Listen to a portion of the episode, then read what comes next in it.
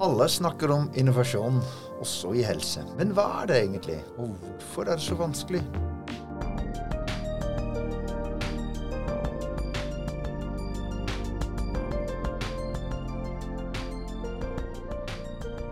F.eks. en sensor i en inkontinensbleie, slik at helsepersonell eller eventuelt pårørende kan få beskjed når det må byttes. Det høres jo ut som en genial enkel idé, men implementering og utrulling av den norske innovasjonen er ingen dans på roser. I dag snakker vi med Vegard Ørnes, som jobber i Dignacare, som lager sensorer til inkontinensbleie. God dag og velkommen, Vegard. Takk skal du ha, Nard. Eh, veldig hyggelig å få lov til å komme hit i dag. Visjonen deres er at vi skal gjøre verden eh, til et bedre sted for mennesker som trenger omsorg, og mennesker som utfører omsorg ved bruk av teknologi. Det hørtes veldig fint ut.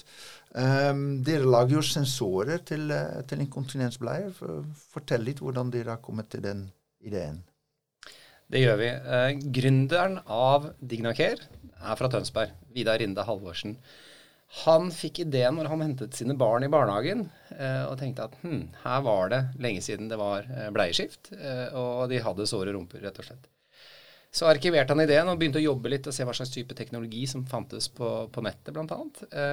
Og så ble det veldig aktualisert når hans mor ble lagt inn på en omsorgsinstitusjon og var inkontinent. Da følte han det på kroppen i forhold til den smerten hans mor måtte gå igjennom.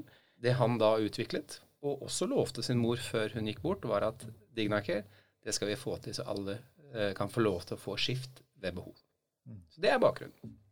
Ok, Og, og inkontinens er eh, noe som, som, stort sett rammer eh, eldre folk, og vi har da en befolkning som, som blir, blir eldre. Noe i seg selv er positivt, men det skaper store utfordringer.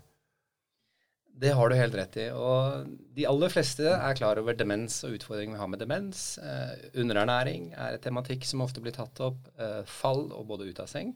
Men svært få de snakker om inkontinens.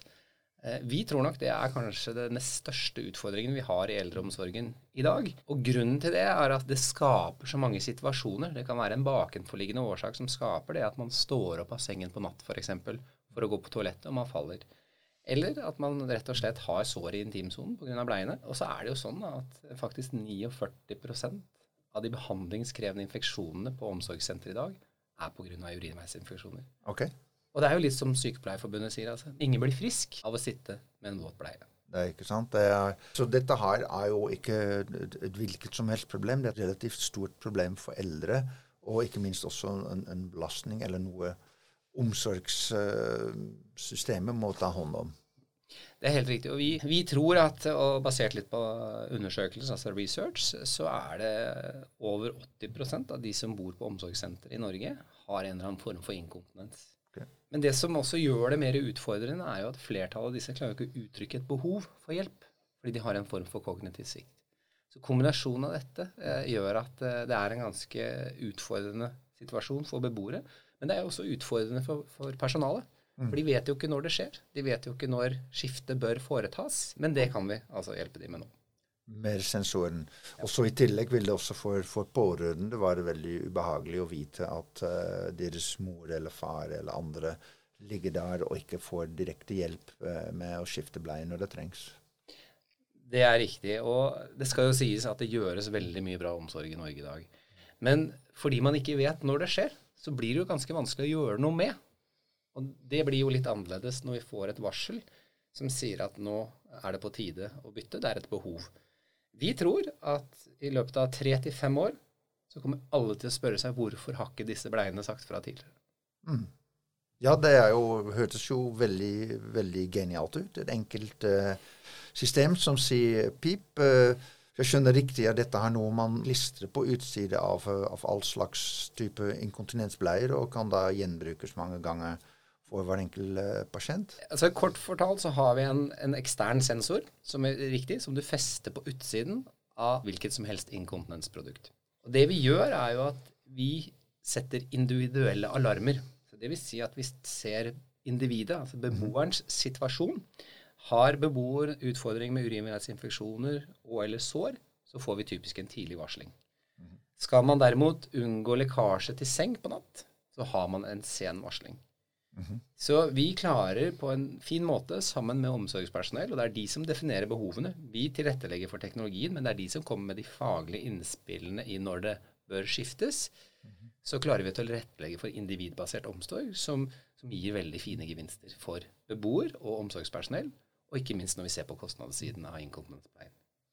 Ikke sant? For da, da gir det en sensor, gir en, en alarm inn i et, uh, et, pasientsystem eller noe annet. Uh, man får da varsle opp at nå har pasient X eller fått eh, behov for å skifte bleie, og så kan man gjøre noe med det. Ja, det er riktig. Og, så det er, det er et par ting som er veldig viktige her. GDPR det snakkes det veldig mye om, og det er viktig, og det forholder vi også til også. Da snakker vi personvern? Da snakker vi personvern og helsedata og den siden av det. Eh, for oss så vet ikke vi eh, individet, altså beboeren som mottar omsorgen. Vi har ingen personidentifiserende informasjon i vårt system om det. Og når det kommer på de som utfører omsorgen, så har vi typisk avdelingsvise innlogging. Det vil si at vi vet heller ikke hvem som utfører omsorgen. Okay. Men det som er veldig spennende, er at vi kan jo allikevel rapportere om hvordan avdelingen, hvordan denne beboeren da, på denne avdelingen får mottatt omsorgen. Mm. Og det er viktig. Ja. Så da på en måte kan dere samle inn data rundt uh, hele behandlingsforløp av, uh, eller oppfølgingsbeløp av de beboerne som bor på, på et eldrehjem. Ja, Det er riktig. Nå skal man være litt forsiktig å bruke data i omsorgsverden og helseverden. Eh, vi kan jo si det at de fleste av oss andre som ikke jobber der, har fått eh, ny data, tilgang på data, og forholder oss til, til det på en, en, en fornuftig måte. Det er mye vanskeligere innenfor helse- og omsorgssektoren. Og jeg tror en av, en av, grunnene til det kan være at vi som leverandører har vært veldig eh, Vi har ikke vært flinke nok til å kommunisere med omsorgspersonell hva denne dataen kan brukes til, mm. og operasjonalisere den. Når vi begynner å snakke om maskinlæring, kunstig intelligens osv., så, videre, så trekker de seg bort. Mm. Men det vi har evnet å gjøre, er at vi kan snakke om hva det betyr i et pleieperspektiv. Hvordan kan vi sørge for at disse dataene kan hjelpe oss å navigere? Hva er baseline, hva er utgangspunktet? Mm. Og hvilke mål er det vi ønsker å jobbe mot for å få en bedre uh, pleie? Mm. Og Det tror jeg er kjempeviktig, fordi vi må evne å snakke språket deres. Og, og, og deres er det de som jobber uh, i, i eldrehjem og omsorgshjem? Det er helt riktig. Det er omsorgsmedarbeidere. Det kan være sykepleiere, helsefagarbeidere, vernepleiere osv. Og hvis du klarer å ta de med deg og forstå hva dataene kan brukes til mm. eh, Og vi har et veldig fint eksempel, syns jeg, om, om, dette å kunne forutsi hendelser. Hvis du kan si forutse en hendelse, så kan du også iverksette tiltak som eliminerer eller reduserer utfallet av den hendelsen. Eh, og for oss så hadde vi en, en eldre dame, en beboer som var 84 år gammel. Mm -hmm. hun hadde typisk uh, kveldsstellet sitt og kveldsmaten sin, og så ble hun lagt med en inkontinensprodukt. Uh, og hver gang de sjekket Og det varierer litt på rutinene på den enkelte institusjonen her, men sånn de sjekker bleia i dag, så løfter de på dynen, føler fysisk på om den må byttes eller ikke. Okay. Hver gang de sjekket med denne damen da, klokken halv to, som var første gang, så måtte hun bytte. Så viser det seg det at hun fyller jo den bleia 15 minutter etter at hun blir lagt når okay. hun begynner å bruke Dignaker. Og da sier omsorgspersonalet til oss altså Ja, men Vegard, hvis vi tar hun på toalettet før vi legger henne, hva tror du skjer? Mm. Nei, det vet vi ikke, men kan dere ikke prøve? Hva var resultatet? Én, hun sov gjennom hele natten uten å måtte bytte inkontinensprodukt. Mm. To, sår i intimsonen ble borte på under to måneder. Mm. Tre, hun fikk jo mye bedre søvn, mer fysisk aktiv, mer fysisk tilstedeværelse og spiser bedre og er enklere å ha med i en omsorgssituasjon å gjøre. Og ikke minst, pårørende syns jo det er som å trylle for å få mer av mamma tilbake. Og det betyr en del av disse dataene. Det betyr at vi kan identifisere hendelser som kommer oppstår på et regelmessig basis, og så kan vi iverksette tiltak for å gjøre omsorgen bedre. For alle, egentlig. Mm. Det høres fantastisk ut, og da er det egentlig et forebyggende produkt som hjelper da noen å bli, bli frisk og unngå en del tilleggssykdommer eller eh, problemer man får i tillegg til at man er gammel og må være på eldre. omsorgsbolig. Så det, det, er jo veldig tydelig hva det fordelen er for de som uh, det. Men de som jobber med det, de må jo vel kanskje oppleve at deres hverdag og deres rutiner må endres. Og det kan kanskje være utfordrende. Det har du helt rett i. Ja. Altså, det gjøres veldig mye fint omsorg i Norge. Eh, en av, men en av de utfordringene vi ser, som jeg tror veldig mange har støtt på, er Én eh, ting er å komme opp med en innovasjon eller komme opp med en idé. En annen ting er å sette den ut i livet. Altså, innovasjon for oss betyr at vi klarer å realisere eh, gevinstene av hva denne teknologien kan gjøre. Det vil si mm. at vi må samhandle, og vi må sørge for at vi kan hjelpe dem på å endre rutinene. Helse og omsorg har på en måte levd litt, litt, sitt eget liv i forhold til dette med å ta i bruk data og ny teknologi sammenlignet med resten av samfunnet. Og Det kan være flere årsaker til det. Hvorfor er det utfordrende å implementere teknologi i omsorgssektoren? De observasjoner vi har gjort, er, kan vi illustrere med to, to eksempler. Ja. Det ene er eh, et spørsmål vi ofte stiller eh, omsorgsmedarbeidere. er liksom, Hva er den viktigste oppfinnelsen, eh, teknologiutviklingen, på eh, sykehjemmet de siste 50 årene? Og Det svaret vi ofte får, er denne pasientheisen. Den er med til å løfte beboer når, i en stell og skift-situasjon. Okay. Og så er den med å sørge for at de kan løfte de over på toalettet og eventuelt inn i dusjen. Ja. Og så stiller vi et oppfølgingsspørsmål. Hvordan ble den brukt når den ble implementert for ca. 20-30 år siden? Da ser alle litt bort, litt unnvikende. Så sier vi altså den ble altså ikke brukt. Nei, det er helt riktig. Mm. Fordi eh, holdningene var at det var uverdig for beboer. Det var den ene av det. Og det mm. andre av det er at det var den var veldig teknisk komplisert å operere, så de fortsatte å løfte. Mm. Hvis vi spoler frem til i dag, så er dette det viktigste hjelpemiddelet de har i en hektisk arbeidshverdag. Det eksempelet sier at kan vi ikke være, lære av det, da? Kan vi ikke se at det finnes noen gode innovasjoner som gjør arbeidshverdagen deres bedre? Den andre utfordringen som vi opplever, er eh, kultur. Eh, og, og, det dreier seg om at man er vant til å gjøre ting som man har gjort de siste 30-40-50 årene. Og Eksempelet er som følger. Du er en nyutdannet eh, sykepleier, vernepleier, helsefagarbeider eller nyansatt. Kommer til en institusjon, og da har du gjerne med deg en mentor som følger deg over de tre, fire, fem første dagene. Det er for å vite hvor lageret er, og det er for å vite hvordan disse prosedyrene på dette sykehjemmet er, eller omsorgsinstitusjonen er. Og i en stell og skift-situasjon så du, gjør du alt etter boken. Du setter på en, et inkontinensprodukt og er i ferd med å kle på beboer. Så mm. står det en i et hjørne som sier Du, jeg har jobbet her i 15 år. Vi bruker to bleier. Okay. Og den holdningen, mm. det åpner jo ikke akkurat opp for innovasjon. Nei. Og det må vi jobbe med. Og så må vi ufarliggjøre innovasjonen. Og så, ikke minst, så må vi som leverandør være mye flinkere til å hjelpe omsorgssektoren til de rutineendringene. Jeg skjønner, så, så du sier egentlig at, at man må bruke mye mer tid og lengre løp for å implementere det, selv om egentlig gevinsten ligger veldig rett foran oss, så må vi være tålmodige og bruke mye eh, tid og forklare hva dette egentlig betyr, og hvordan man skal bruke det. Ja, altså Jeg vil jo si at tid må man sette av. Det er mer heller det at har man klart å kommunisere budskapet på en god måte. Vi har sånn typisk eh, seks helt sentrale punkter for å implementere og sørge for en vellykket gang innføring okay. av teknologi. Mm. Og Jeg deler den mer enn gjerne med dere, for dette er ingen hemmelighet. Hvor vi må få dette til å fungere, sånn at vi kan utvikle en mer verdig og bærekraftig omsorg. Okay. Nummer én infrastruktur må være på plass, og det må fungere. Da snakker du om digital infrastruktur? Da snakker vi om det som heter Wifi, altså nettet. Ja. Sånn at signalene, dataene, kan transporteres. Og ikke minst mottakerapparatet, om det er en telefon eller en iPad eller en datamaskin. Det må være på plass, mm. og det bør testes ut før man starter opplæring. Mm. Nummer to kommunikasjon og dedikasjon fra ledelsen er helt essensielt og veldig viktig for å lykkes. Okay. Det må være én vi iverksetter dette for å øke kvaliteten på omsorgen. Mm. Dette er ikke en pilot. Mm. To, og det må komme ovenfra. Vi forventer resultater. Vi vet at det kommer til å være utfordrende i oppstarten, men dette er kommet for å bli. Mm. Nummer tre involver ansatte. For da får du mange fine innspill. Da får du liksom skjønne hvor skoen trykker. Mm. Nummer fire identifiser de personene du er nødt til å vinne over. Okay. Og dette tror jeg er noe av kjernen i det. At eh, når man innfører nye arbeidsrutiner eller teknologi, så er det noen personer som er, eh, har en form for motstand. Altså man er skeptisk. Ja. Og den motstanden kan være av flere grunner. Det kan være at man er redd for ikke mestre teknologien. Man kan føle seg overflødig. Mm. Er ikke den kompetansen jeg har brukt her i 30-40 år, er ikke den verdt noe for dere? Ja.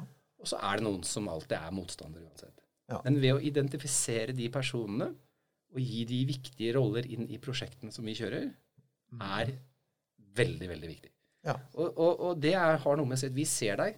Du er viktig for institusjonen, du er viktig for avdelingen, og vi trenger din kompetanse med på laget. Ja. Eh, og så videre så er det jo det å ha god opplæring. Selvfølgelig at man setter av nok tid Mm. til det, er, er eh, viktig. Og så må eh, omsorgspersonell også gi tilbakemeldinger. Mm. Og det vi gjør, er at vi har regelmessig gjerne eh, oppstartsmøte med, eller, eh, hvor vi følger opp hver andre dag første uken.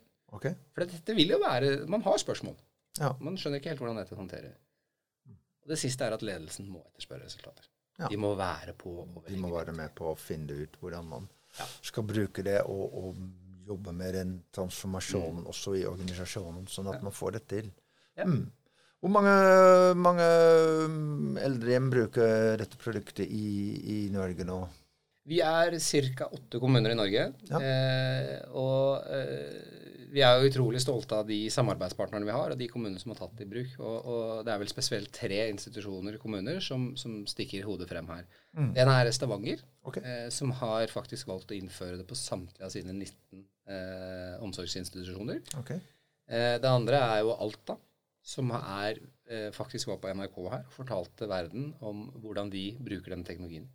Det som er utrolig flott med Alta, er eh, liksom, holdningen til teknologi er fra toppen. Det er forankret hos politikere, enhetsledere, avdelingsledere. Og de har en veldig fornuftig og, og god tilnærming på det.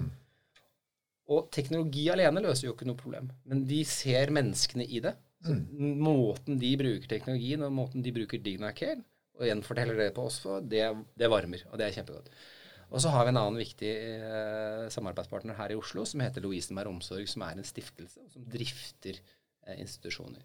Mm. Eh, men det er jo klart at eh, vi ønsker å komme ut, og vi ønsker å hjelpe.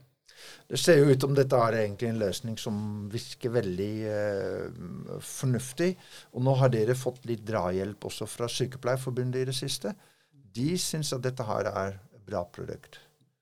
Ja, og det, det er vi veldig stolte av. Eh, vi har faktisk jobbet sammen med Sykepleierforbundet, eh, jeg tror det er siden 2019 omtrent. Eh, og vår tilnærming på dette er at vi må samhandle for å få til løsninger. Å få det implementert og få tatt det i bruk.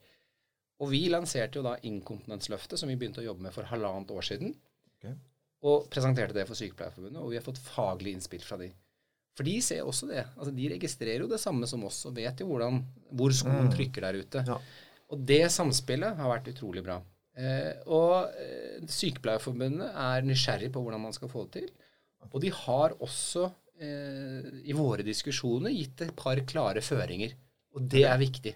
Ja. Ikke sant? Hvordan skal vi bruke dataene? Hvordan er det med personvern? Hvordan er det med beboer? Helsedata? Hvordan er det med ansatte, ikke minst? Og, og de diskusjonene er verdifulle. For det gir også trygghet til Sykepleierforbundet at vi er innenfor i forhold til GDPR. Vi vet vi tar, ivaretar de som jobber med omsorgen, men vi kan også rapportere hvordan beboer mottar utført omsorg. Ikke sant?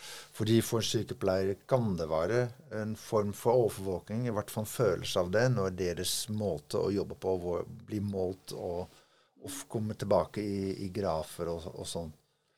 Ja, og, og dette her må jo vi da kommunisere på en fornuftig måte. Eh, og det er jo helt klart at det er veldig lett å tro at man blir overvåket. Men som jeg sa litt tidligere, at vi vet jo ikke hvem som har utført oppgavene. Mm. Fordi vi gjør det på avdelingsnivåer.